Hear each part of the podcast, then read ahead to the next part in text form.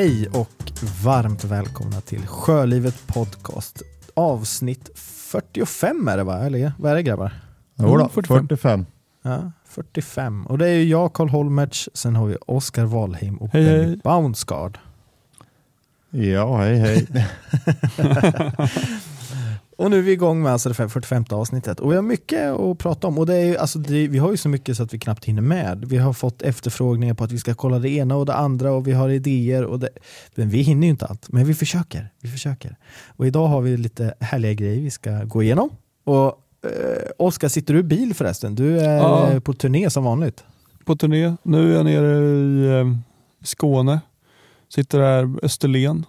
Eh, Bil parkerad längs vägen. Så att vi får se om det dundrar förbi någon fyrhjuling eller lastbil eller traktor eller någonting. Men ja, om det är några konstiga ljud i bakgrunden så, så, så kommer de från inte mig.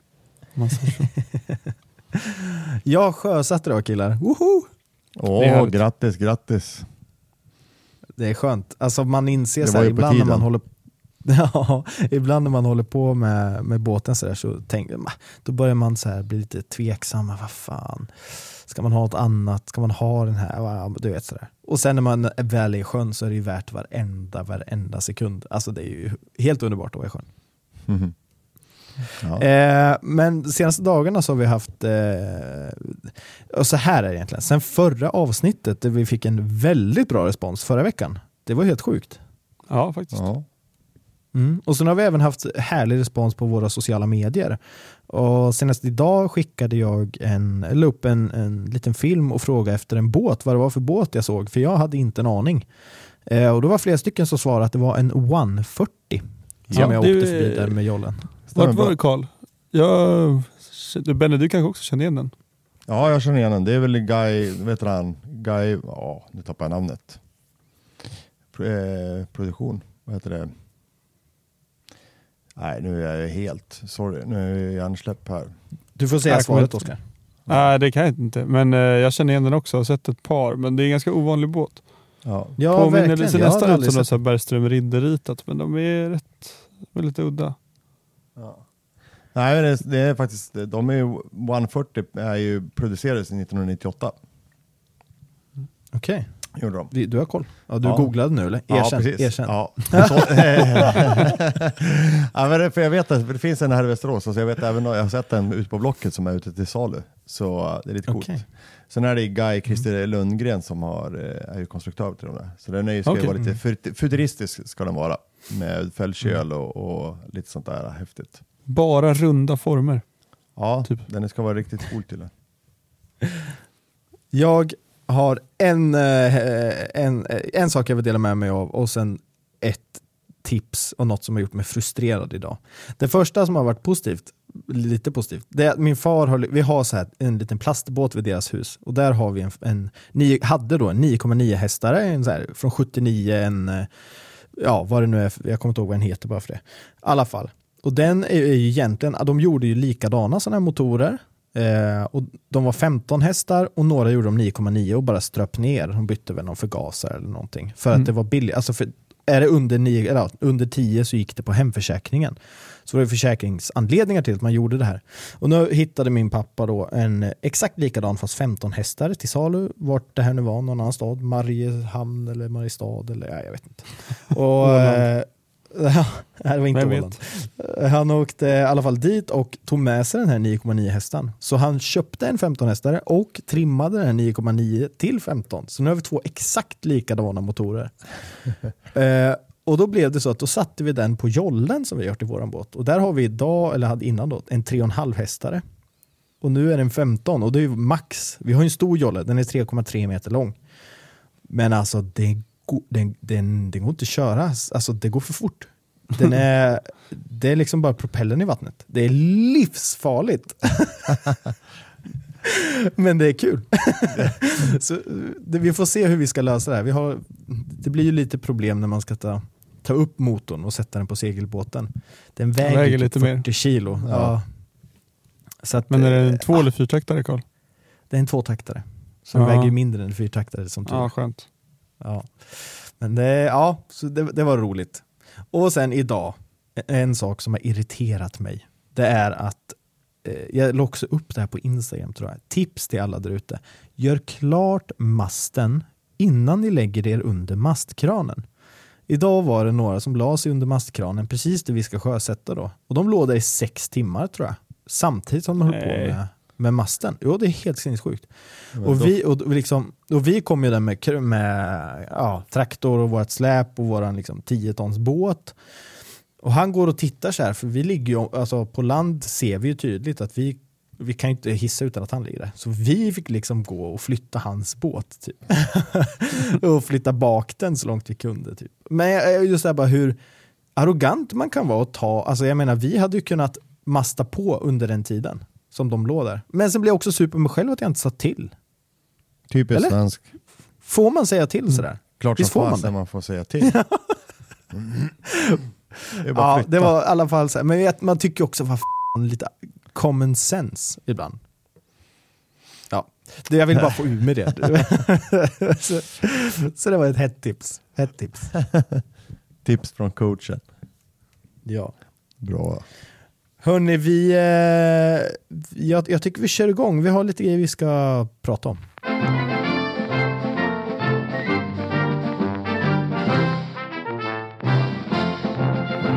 Vi har ju haft en tävling igång eh, där man kunde vinna två burkar Interstrip från vår sponsor International. För det är ju så att International är ju med och sponsrar de här avsnitten. Och eh, om man inte missat, om vi, om vi börjar i rätt ände innan vi ska berätta vem som har vunnit den här tävlingen. Vi har alltså haft en tävling där man får skicka in sin bästa båthistoria. Och då sponsrar International med två burkar Interstrip. Va, li- väldigt kort, vem av er vill ta det här? Oskar eller Benny? Vad, vil- vilka är International och vad är Interstrip? Ja, men jag kan ta det här. International är ju en av de största företagen på marknaden som tillhandahåller då färger och ja, rengöringsprodukter till båtar. Och då Interstrip är en, eh, ett färgborttagningsmedel som är då om man vill till exempel gå bort från en, eh, en giftig bottenfärg till en ja, biocidfri som man kallar det. Så då lägger man på den, man väntar eh, och så löser då den här färgen upp de andra bot äh, bottenfärgerna som ligger under och så skrapar man av. Och där har ju Benny faktiskt gjort själv, eller hur? Ja, det stämmer. Jag gjorde det på min, mitt roder faktiskt. Plocka bort färgen för att jag skulle laga lite. Och det var alltså istället för att blästra då? Eller? Eh, Ja, istället för skrapa så lägger du på. Det är som en geléaktig eh, ja, konsistens. Och du penslar ju bara på det där. Och låter det ligga och dra. Kommer inte ihåg hur länge man låter det. 10-20 minuter. Och sen skrapar du bara bort det där. Funkar det bra då? Ja, herregud, det funkar skitbra. Alltså det är klart värt, alltså, det är bara att välja själv då. Vill du stå och skrapa en botten eller ett roder eller pensla på och torka bort? Det säger ju sig själv. Nice. Ja. nice. Mm.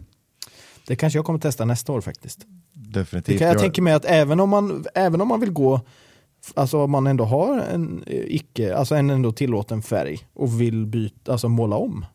Och inte Ja, bara måla självklart. över och få bort den övre. Mm. Yttersta lagret liksom. Ja, Helt klart. då blir det där nästa år kanske. Slippa blästra. Men hur vart det nu då med, med tävlingen? Vem vann Karl? Jo, vinnaren av tävlingen det är Bergfinken som det står i mejlet. Eh, Det är alltså Hjalmar Nyqvist. Grattis!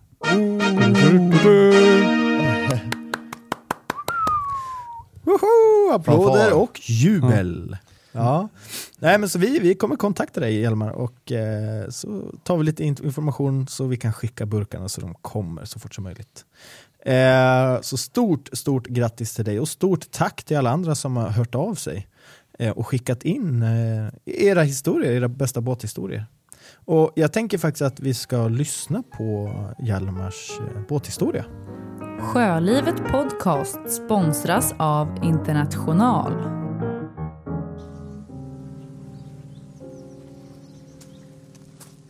Våren 2017 köpte jag en segelbåt. Min alldeles första båt. Och som 15-åring så var det mycket roligt. Tyvärr så var storseglet dåligt så under sommaren så gick det av på mitten. Vilket innebar att jag behövde skaffa nytt storsegel. Jag fick tag på nytt segel på Blocket och under hösten 2017 så testseglade jag med det nya seglet. Jag puttrar ut från hamnen och ut på fjärden där jag sätter försegeln. Plotten visar fyra knop och jag sätter storsegeln. Nästan åtta knop. Det blåser 11 sekundmeter i byarna och det går mycket sjö. Så jag och min kompis som var ute, vi bestämde oss för att segla slör utåt i skärgården och vända om för att kryssa hem. Nu börjar problemen. Efter 40 minuter så bestämmer vi oss för att vända hem för att hinna undan mörkret. Och vi tar, dumt nog, ner storseglet och vänder upp båten för att börja kryssa hemåt. Men vi inser att både vindarna och vågorna de är för stora för att kryssa upp med fock. Vi blir nedkastade och får fortsätta utåt. Nu har fallet i storseglet snurrat sig runt staget så vi kan inte få upp det igen. Därför startar vi motorn och vänder upp igen. Det fungerade inte heller så vi inser att vi måste leta upp en hamn eller liknande för att komma undan vinden. Vi kollar väderleksrapporten och inser att ja, med dessa vindar så kommer vi inte kunna ta oss tillbaka under dagen. Så vi hittar en vik nära Finnhamn där vi lägger oss. Nu skulle vi bara ta oss dit.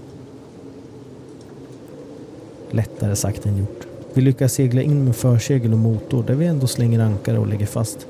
Precis när vi håller på att lägga till så kommer Cinderella-båten som river upp sinnessjukt mycket sjö och gör allt betydligt svårare. Till slut ligger vi fast, tryggt och säkert och inser att vi lärt oss mycket om att segla i hårda vindar. Morgonen därpå, precis innan vi ska åka hem, så dubbelkollar jag riggen för att checka efter skador. Och då ser jag att det saknas en saxsprint för ett stag på styrbords sida. Ja, vi inser att det kunde gått illa under dagen när vi seglade i 11 sekundmeter. Så vi bestämmer oss för att inte ta några risker och vi åker hem med motorn. Detta var det mest obehagligaste och lärorika jag varit med om under mina sju år av segling. Uppläst av Karl Holmertz. Skriven av Hjalmar Nyqvist.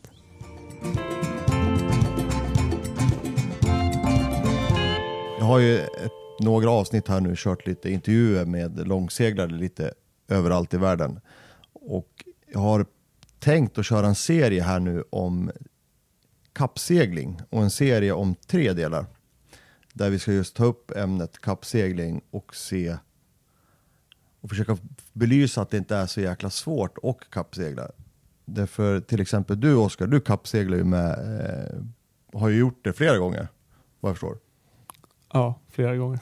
Flera gånger. Flera år? Ja, ja Många år. flera år. Men, men det, som, en, som en person som jag som aldrig har kappseglat och ska kappsegla, eh, försöka ta mig runt och Gotland runt, så tänkte jag fasen det här vore ju skitkul att göra det för, från min egen sida också och försöka se, är det så jäkla farligt och är det så, så dyrt och avancerat som många tror att det är.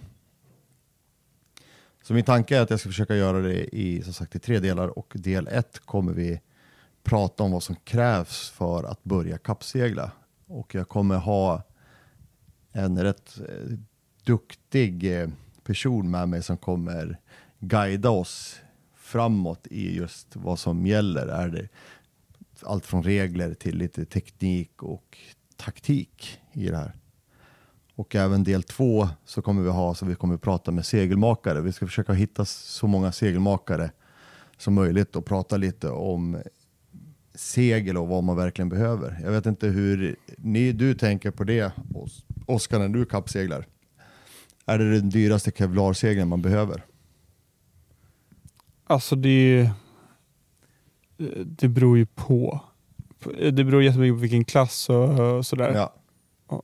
Så att, eh, för att börja be- kappsegla, absolut inte. Nej, precis. Och det är lite det vi ska Nej. titta på. Man ska försöka, vi ska försöka hitta spännvidden mellan, ja men från klubbseglaren till eh, America's Cup eller Volvo Ocean Race eh, och se vad som är som skiljer det åt. Då. Och sen under del tre så ska vi titta närmare på båtar som kappseglar och då kommer vi gå allt från ja, men den absolut billigaste båt du kan hitta, typ en Maxi 68 eller Maxi 77 till mer moderna fartmonster som finns. Som kanske inte är så jättebekväma att bo i men som du tar dig fram på banan jäkligt bra. Fast Maxi 68 och Maxi 77 bor man ju bra i. Ja, men det är också en ingång. ja. Nej, men det, det, det, är det jag menar, det är en bra ingång för det är också en bra båt att ha och bo Ja, i ja, och visst. ha semester i. Så att det är Ja, nej, men, nej, men lite sådär, och bara titta på det. För det, det och, så vi ska försöka hitta ett bra koncept här och göra under den här säsongen. När exakt i, i tid vi kommer att göra det, det är lite oklart just nu, men det kommer att göras den här säsongen i alla fall. Och då har ju då som, ni som lyssnar har ju då, som har intresse av att kanske börja kappsegla eller någonting sånt där och har frågor så vill vi jättegärna att ni skickar in de här frågorna till oss. Eh, därför då ska vi också få möjlighet att kunna besvara dem till del 1 och del 2 och del 3 då, när man pratar om de här olika delarna. Och sen ska vi försöka knyta ihop säcken och då tänkte jag faktiskt att det skulle vara jäkligt kul att göra en live session med så många lyssnare som möjligt. Så finns det intresse från våra lyssnare att vara med när vi knyter ihop säcken under del 3, typ någonstans i september, så skulle det vara jättekul om man skulle kunna göra det med våra lyssnare på plats och ha möjlighet att ställa frågor till oss live. Vi kommer dock inte sända avsnittet live, men vi kan ha frågorna live så att säga.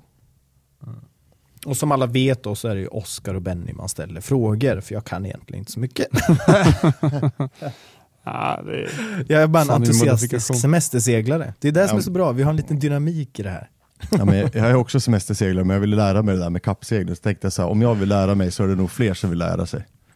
Jag tänker det också nu när vi är inne på ämnet att eh, som jag då erkänner här att jag känner inte att jag kan någonting knappt. Men jag har ändå seglat Atlanten, jag har seglat Sverige runt så att man kan bara man vill. Så enkelt är det. Så är det. Nej, så det, det har jag tänkt att göra. proffs. Nej, så det kommer vi göra. Vi kommer ha som sagt en, en, en liten serie om just kappsegling. Så alla frågor man har om kappsegling, det kan vara allt från, ja jag vet inte, ja, Hur, hur går en start till? ja men alltså, en ja men precis, hur går en start till? Eller får, måste man ha samma, är det samma regler som på golf där man måste tydligen ha samma typer av kläder eller man får shorts? Jag, jag vet inte, alltså, You Prata name om, vad pratar man om på, ett, eh, på skepparmötet? ja, Hur ska jag göra med mat?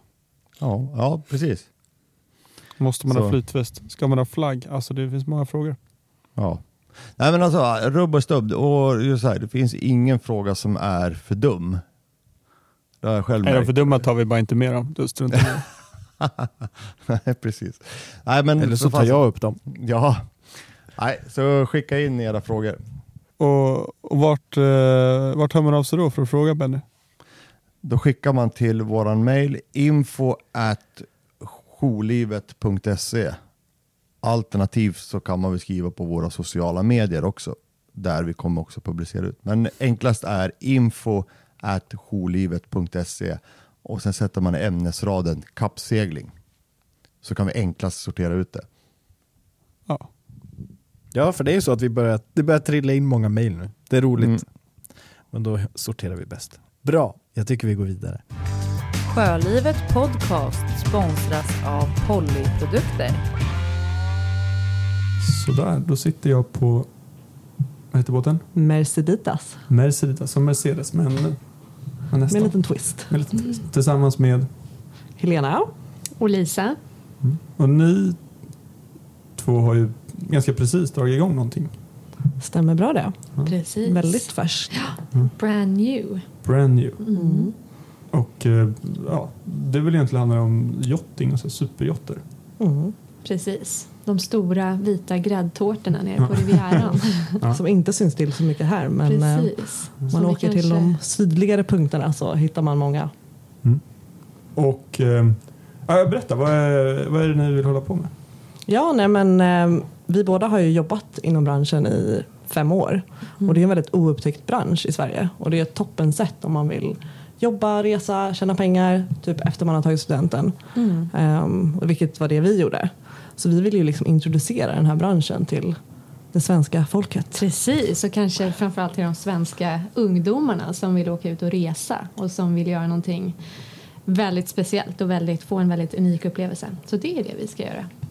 För ni båda har som sagt jobbat ganska länge inom den här branschen. Mm. Ni kan väl berätta lite, hur, hur kommer det sig att ni Mm. Det är en väldigt rolig historia faktiskt. Det var inte som att eh, vi fick reda på branschen när vi var unga. Nej. Det var ju liksom efter studenten, jag och Lisa åkte iväg en resa till Malta bara för en, så här, en veckas Göra resa. i någonting crazy. Ja, men i princip. Och sen eh, sprang vi faktiskt in i folk som jobbade på de här båtarna. Och vi fick komma ombord båtarna och vi tyckte ju att wow, det här var det Mm. Vi hade, ju, vi hade ju en, vår första kväll på Malta så kom vi ner på den bryggan där de eh, och det var inte ens sådär jättestora Nej. båtar, det var väl 40 meter kanske. Det var nog bara vi som var väldigt små. Inte så stora är, är ett oerhört relativt mått. Ja. Precis. Men det, det är- det är kändes inte jättestora jotter. Nej, Nej. Inte, om man, inte vad vi fick vara med om senare. Nej. Men Där och då. Vi, där och då så gick vi längs den där bryggan och var så här, wow, gud, hur, wow, vilka är det som har de här båtarna? Och sen ja, så lyckades vi näsla oss till lite kompisar som eh, Och det slutade oss. faktiskt med att vi var kvar på Malta i typ fyra veckor. slutade med att jag blev ihop med en Ja. av dem. Så kan det sluta. ja, ja. Ja, nej men sen så berättade ju de för oss, vi bara men gud hur hamnar man på de här båtarna egentligen? Och Mm. De bara nej men ni kan göra det, vi bara men gud måste man inte vara uppväxt på båtarna kanske för att alltså, så här, man måste väl ha, vara jätte, ha jättemycket kontakter. Mm.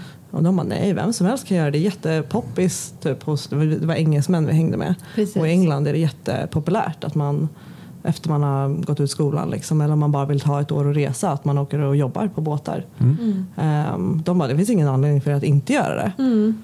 Så då bestämde vi där och då att det här ska vi göra. Precis, och sen så gick väl vi lite skilda vägar och gjorde det på två olika håll. Och Mm. har jobbat på massa olika båtar nu. Mm. I olika, Men det olika. krävs, alltså man behöver inte vara uppväxt på båt, men det krävs lite utbildningar, eller hur? Mm, precis, det krävs ett antal eh, säkerhetskurser.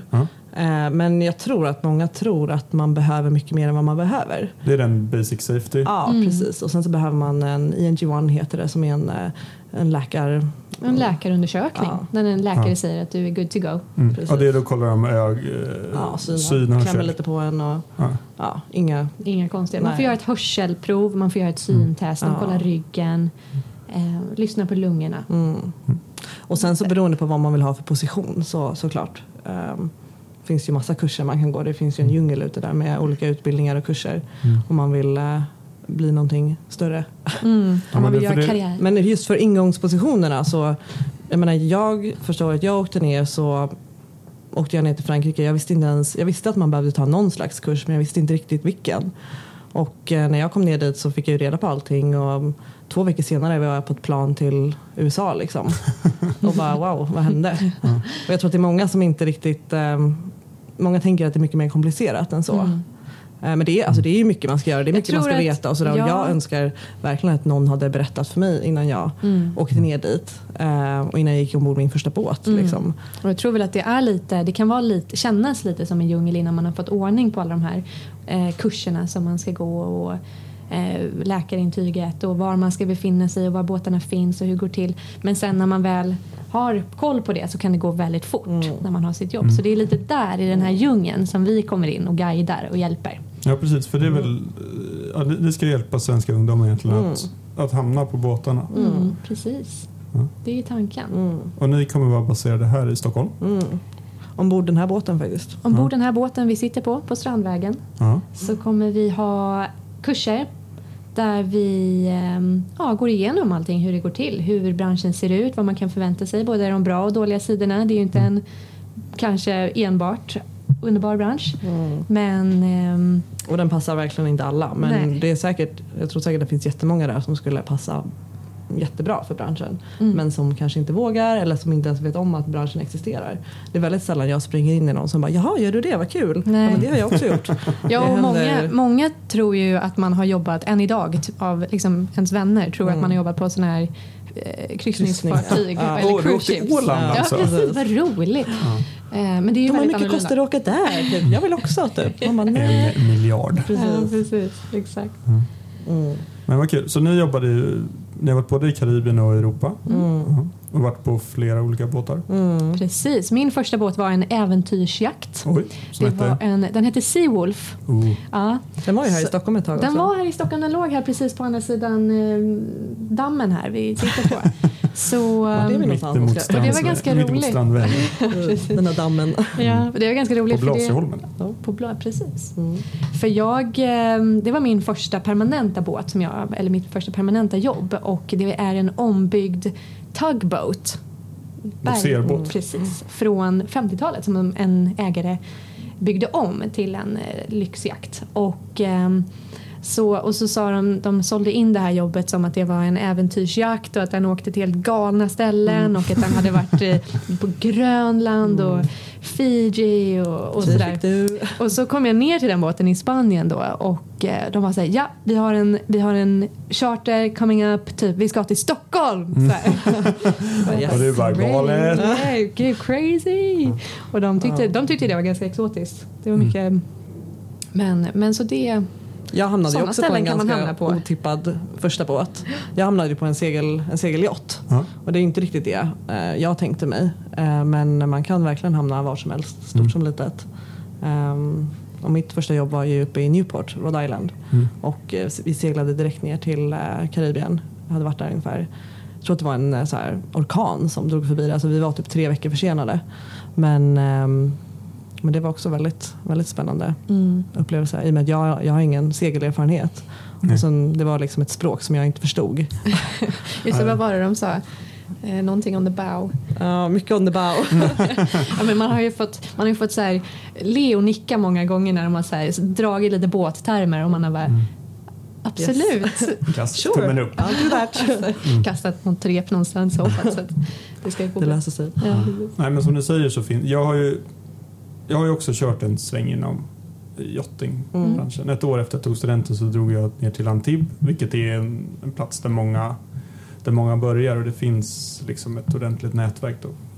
Med både båtar och folk och allt möjligt. Mm. Mm. Och jag fick jobba lite i ja, så dayworka heter det väl. Mm. Precis. Mm. Så jag började med att gå, ja, det kan förklara lite, hur, hur brukar det gå till då när man kommer ner?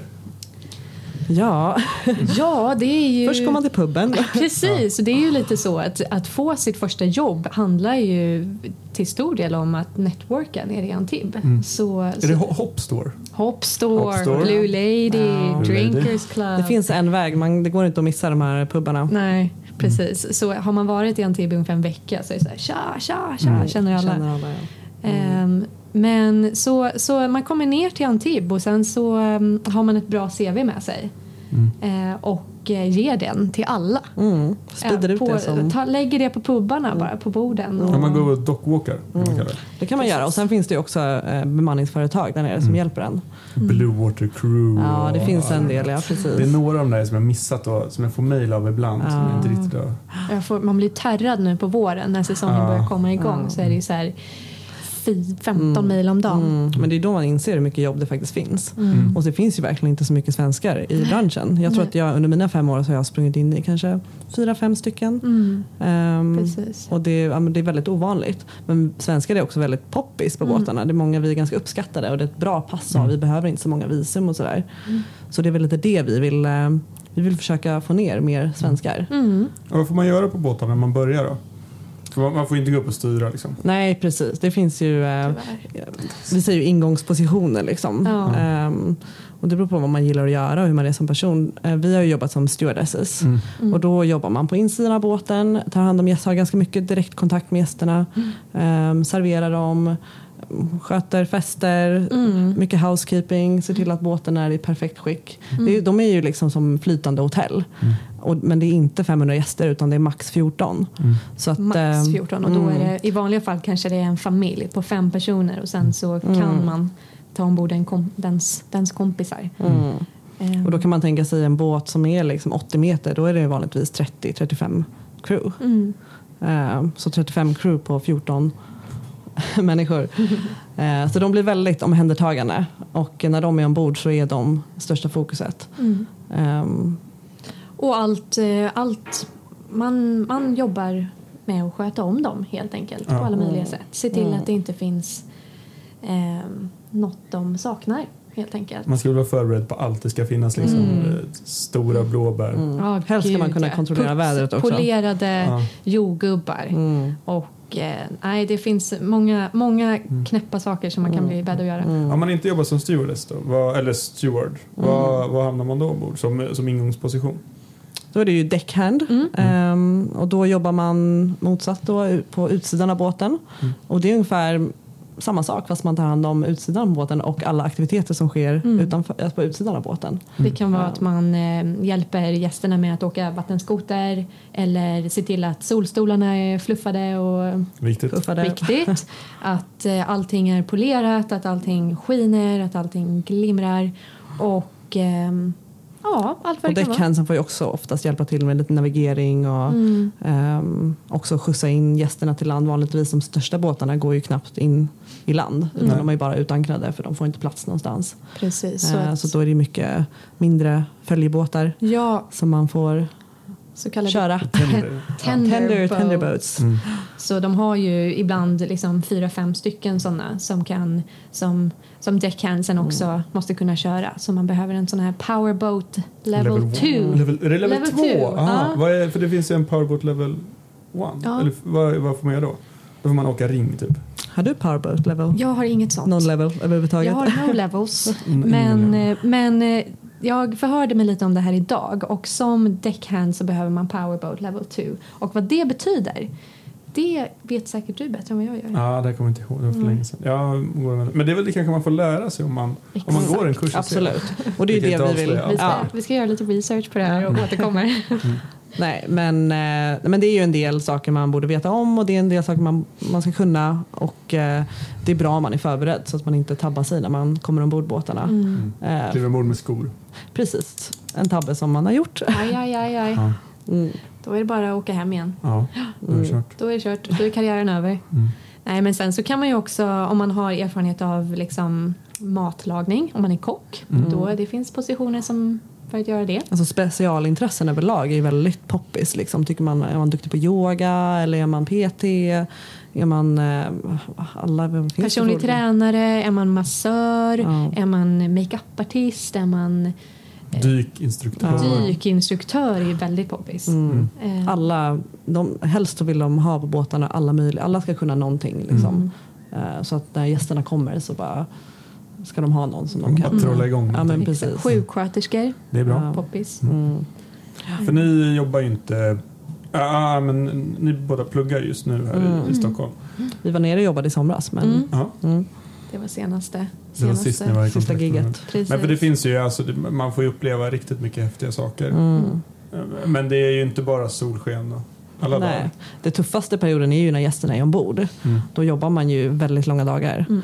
Eh, men Och det är eh, väl alltså väldigt... verkligen, det är, man är ju på standby hela dagen, varje dag i princip. Mm. Eh, och förhoppningsvis så jobbar man för en bra chief stewardess eller en bra kapten som är duktig på att styra scheman och ja, kör fair play. Liksom. Mm. Men man får ju räkna med att jobba hårt. Men sen när man är ledig så befinner man sig i Karibien eller på något annat, på något annat häftigt ställe. Något annat paradis. Ja. Och man blir väldigt nära med de man jobbar med. Mm. Så att man får ju verkligen vänner och Mm. får vara med om mycket. Ehm, Det blir ju en speciell typ av vänskap också när man har bott tillsammans på det här sättet och Man bor gått, på varandra. bott bokstavligen på varandra. Ja. och sen så har jag sett det som en möjlighet i och med att eh, när man jobbar på båtarna så får man ju allting betalt. Man får sina resor betalda, man får liksom hus och rum och mat och allt vad man behöver. Man behöver egentligen inte lägga ut en enda krona om man Nej. inte vill. Det är i princip omöjligt i vissa fall att lägga ut en enda krona. Jag, hade, jag, var ju, Ja. jag var ju ombord min båt två månader i sträck i somras Ja. och eh, hade inte ens möjligheten att spendera några pengar så det är ett otroligt effekt, eh, liksom, vad heter det? effektivt sätt att Mm. spara Spara. pengar om Mm. man skulle vilja göra det. Vad, vad ligger ingångslönen på? De eh, är ganska bra skulle jag säga i och med att man inte behöver så mycket erfarenhet. De brukar ligga på runt 25 000 kronor. Ja. Ehm, och sen så beroende på om man jobbar på en eh, charterbåt eller privatbåt så charterbåtar får man ju dricks. Mm. Och man kan ju få, Det är inte 100 kronor. det är inte 100 kronor, lägg på några nollor så. Mm. Ja. Precis. Mm. Så det, det är ju verkligen, jag tror att ingångs ja, standard, branschstandard är väl ungefär 25 000 kronor för en stewardess eller en deckhand Mm. som ingångslön. Och sen så ju mer erfarenhet du får ju mer ehm, såna här, vad heter det, förhandlingsmöjligheter har du och Mm. ju mer Så det kan gå ganska fort att få upp en ganska bra lön. Mm. Och sen dessutom som Helena säger, om man jobbar på en charterbåt så kan det gå väldigt fort att Mm. spara pengar. Mm. Och att man inte gör av med några pengar. Och- Nej, Det går inte. Det. Man kan ju om man- verkligen, eh, om man tar studenten liksom och vill ut och resa och spara samtidigt och man vill ha lite av varje så är det en perfekt. För det är väl de som är er målgrupp kanske? Alltså eh, yngre. Mm. Mm. Det är väl få 50-plussare som kanske Jo, kommer. det, precis, det kan bli lite jobbigt om man kommer upp i det. Jag tror inte man orkar i den åldern. Nej, Så att, eh, Säg inte det, det finns folk. nej, det är absolut. självklart. Men, Ja. Men det är ju, vi var ju, jag var 19 när jag fick, Ja. mitt, fick mitt första jobb. Och ehm, det var ju så roligt och så spännande. Och det är Mm. väl lite där som, som målgruppen ligger. De som tar studenten, de som vill testa någonting helt, helt annorlunda. Mm. Istället för att åka och backpacka i Asien mm. eller eh, köra working holiday i Australien. Mm. Så kan man testa yachting. Mm. Och det finns ju jättemånga olika. Man kan ju bara jobba över en sommar om man vill. Man kan signa upp för ett helt år. Man kan gå och dayworka som du gjorde. Ja. Det finns ju alla möjliga olika former av anställning. Liksom. Och man åker väl ner, det är Antibes. Ja, Palma. Palma. är nog främst. Ja. Antibes och Palma är väl Ja. Europas stora, stora Mm. yachtstäder. Sen så finns det ju Flor- eller Miami, Mm, Fort Lauderdale. Fort Lauderdale. Om man åker till Karibien då? Det gör man inte. Det gör man inte. Nej, det, jo men St. Martin skulle jag nog åka till. St. där finns det något eh, crewhouse Simpson tror jag. Bay. Mm. Ja, Precis. Vad heter de här crewhousen? Eh, vad heter de? Eh, Grapevine. Grapevine Mm. eh, och The Crewhouse. Det är crewhouse. Ja. Ja. det finns en Har du bott på eh, dem? del. Nej, det var för dyrt. Ja. Vi, Ja, de är eh, dyra. vi bodde natt i en park. Ja, lite vi fick billigare. tag i en lägenhet. Billiga varianten. Billigare än crewhouse. ja. Det var liksom, ja, det var tufft. Ja. Men det var kul. Men ehm, jag, vi hade också andra som då under när för säsongen är, under sommaren så är, man, är, är båtarna i Europa. Mm. Och sen då innan, eller efter orkansäsongen så åker de ju över Atlanten. Mm.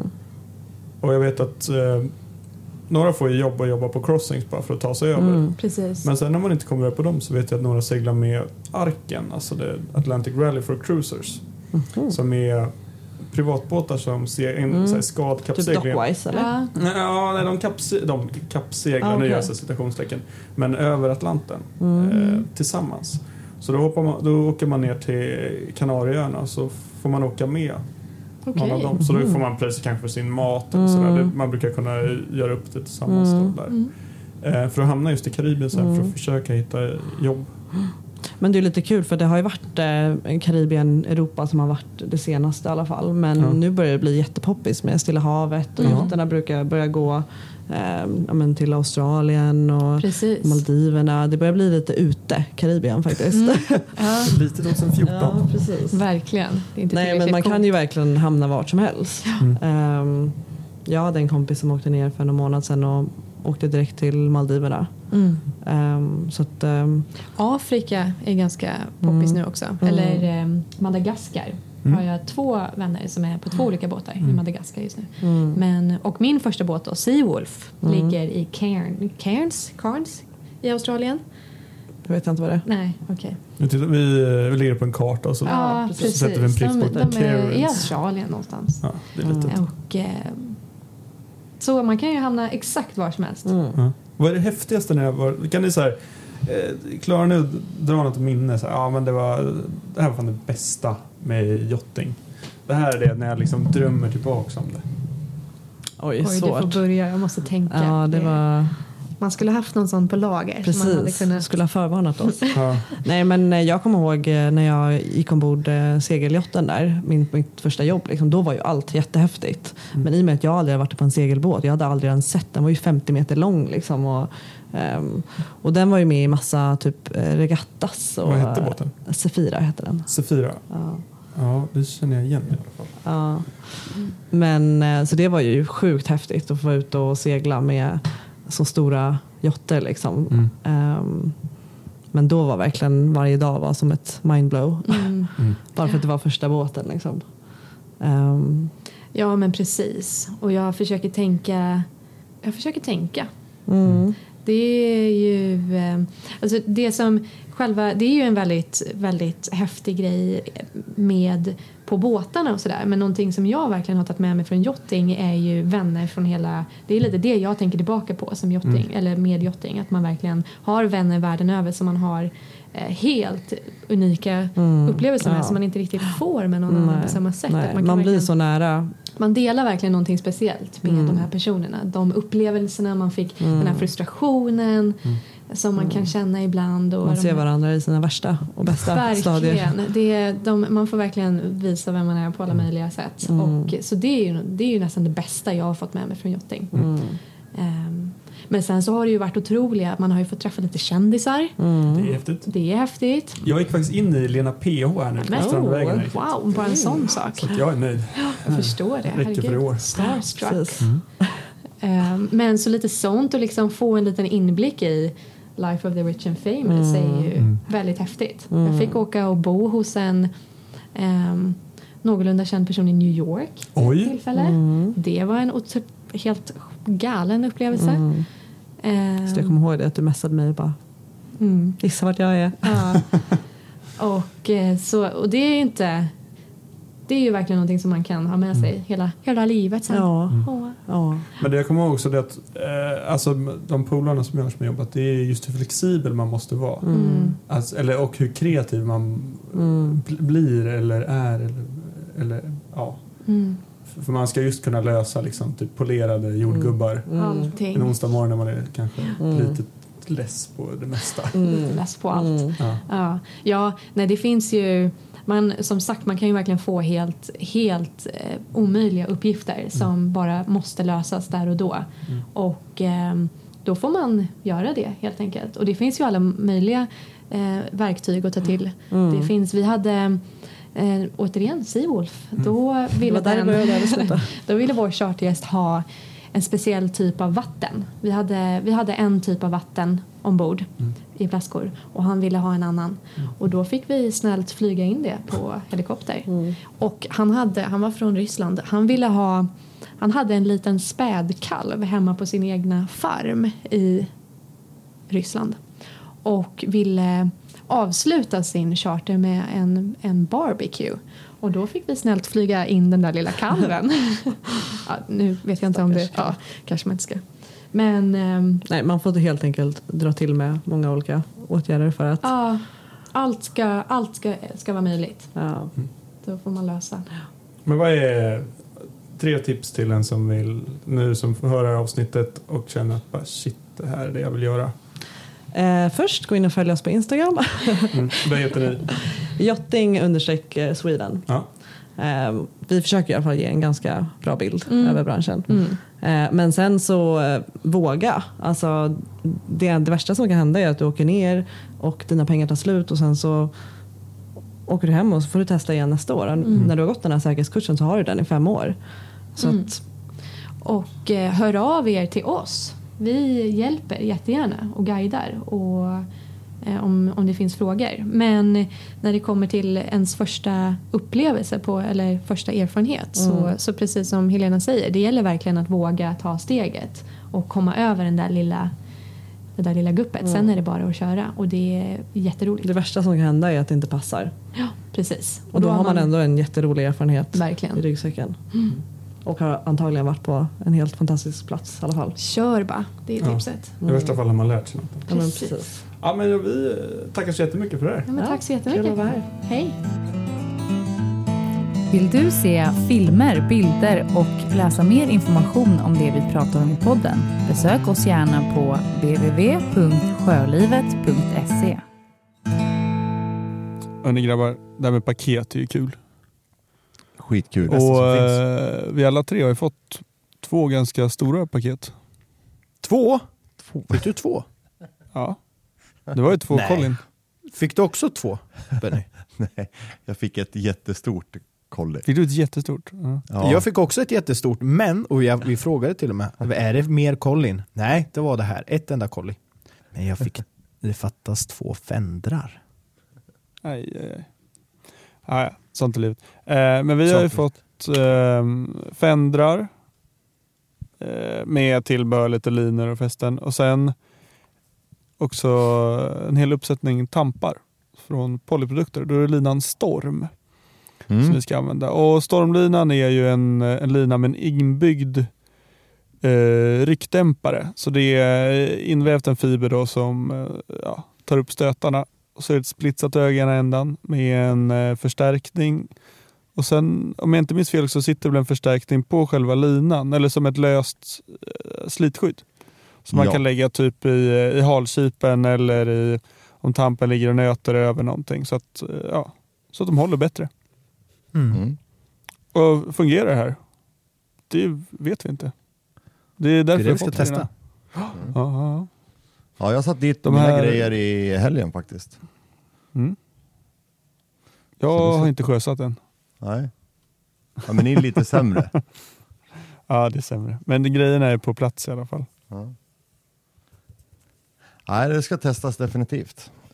Och det är ju också rätt bra för att jag, vad jag tror i alla fall, jag chansar att vi har fått lite olika storlekar på allt det här. För att vi har lite olika storlekar på båtar. Så att vi kommer ju testa inte bara en typ utan flera typer. Så det blir kul. Ja, Det ska bli kul. det ska bli riktigt bra. Så det kommer dokumenteras. Ja, Så vi kommer ju ja. lägga upp lite kanske klipp då löpande under säsongen eh, på återigen våra sociala medier. Där vi heter Sjölivet podd på Instagram och eh, bara Sjölivet på Facebook. Ehm, så att håll koll där efter få se lite vad vi tycker och se om fändrarna går sönder och linorna brister eller om vi sover gott och knarrfritt om nätterna. Mm. Ja. Så tack för det Polyprodukter. Mm, tack. Följ oss gärna på våra sociala medier. På både Instagram och Facebook finns vi under namnet Jourlivet podd. Ja, så där pojkar. 45 avsnittet sa vi va? Att det här var. Ja. Ja. Ja, trilla på. Det börjar vara varmt i luften. Men det är fortfarande lite, lite svalt om på nätterna.